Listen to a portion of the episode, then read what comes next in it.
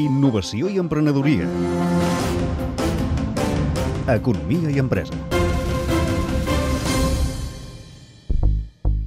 L'ús de nanopartícules d'òxid de ferro permet triplicar la producció de biogàs. És el que han descobert els investigadors Víctor Puntes de l'Institut Català de Nanociència i Tecnologia i Antoni Sánchez de l'Escola d'Enginyeria Química de la Universitat Autònoma de Barcelona. El biogàs és una font d'energia renovable, neta i barata, però el procés de tractament dels residus orgànics per produir electricitat és relativament poc eficient.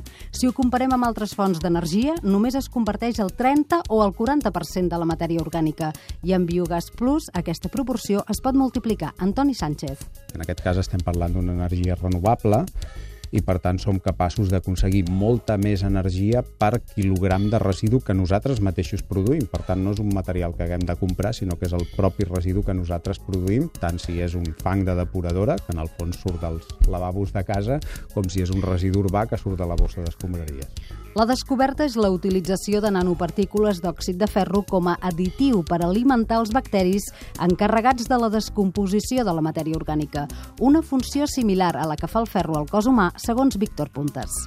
Diguem que els bacteris dels que transformen la biomassa en biogàs estan en permanent anèmia perquè no tenen capacitat de, de segrestar ferro, d'acumular-lo, llavors donar-los un suplement de ferro el que fa és tenir-los més estimulats. Com nosaltres estem febles, ens donen un suplement de ferro i comencem a córrer. És el, el Red Bull dels bacteris en forma de nanopartícula d'òxid de ferro.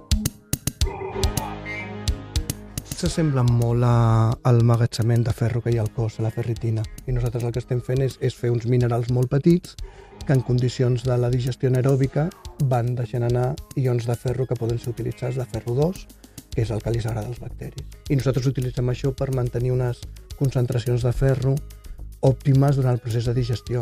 Ja s'ha provat amb èxit en cel·lulosa i fangs de depuradores urbanes, però també es pot utilitzar en residus agrícoles, industrials i urbans, com explica Antoni Sánchez.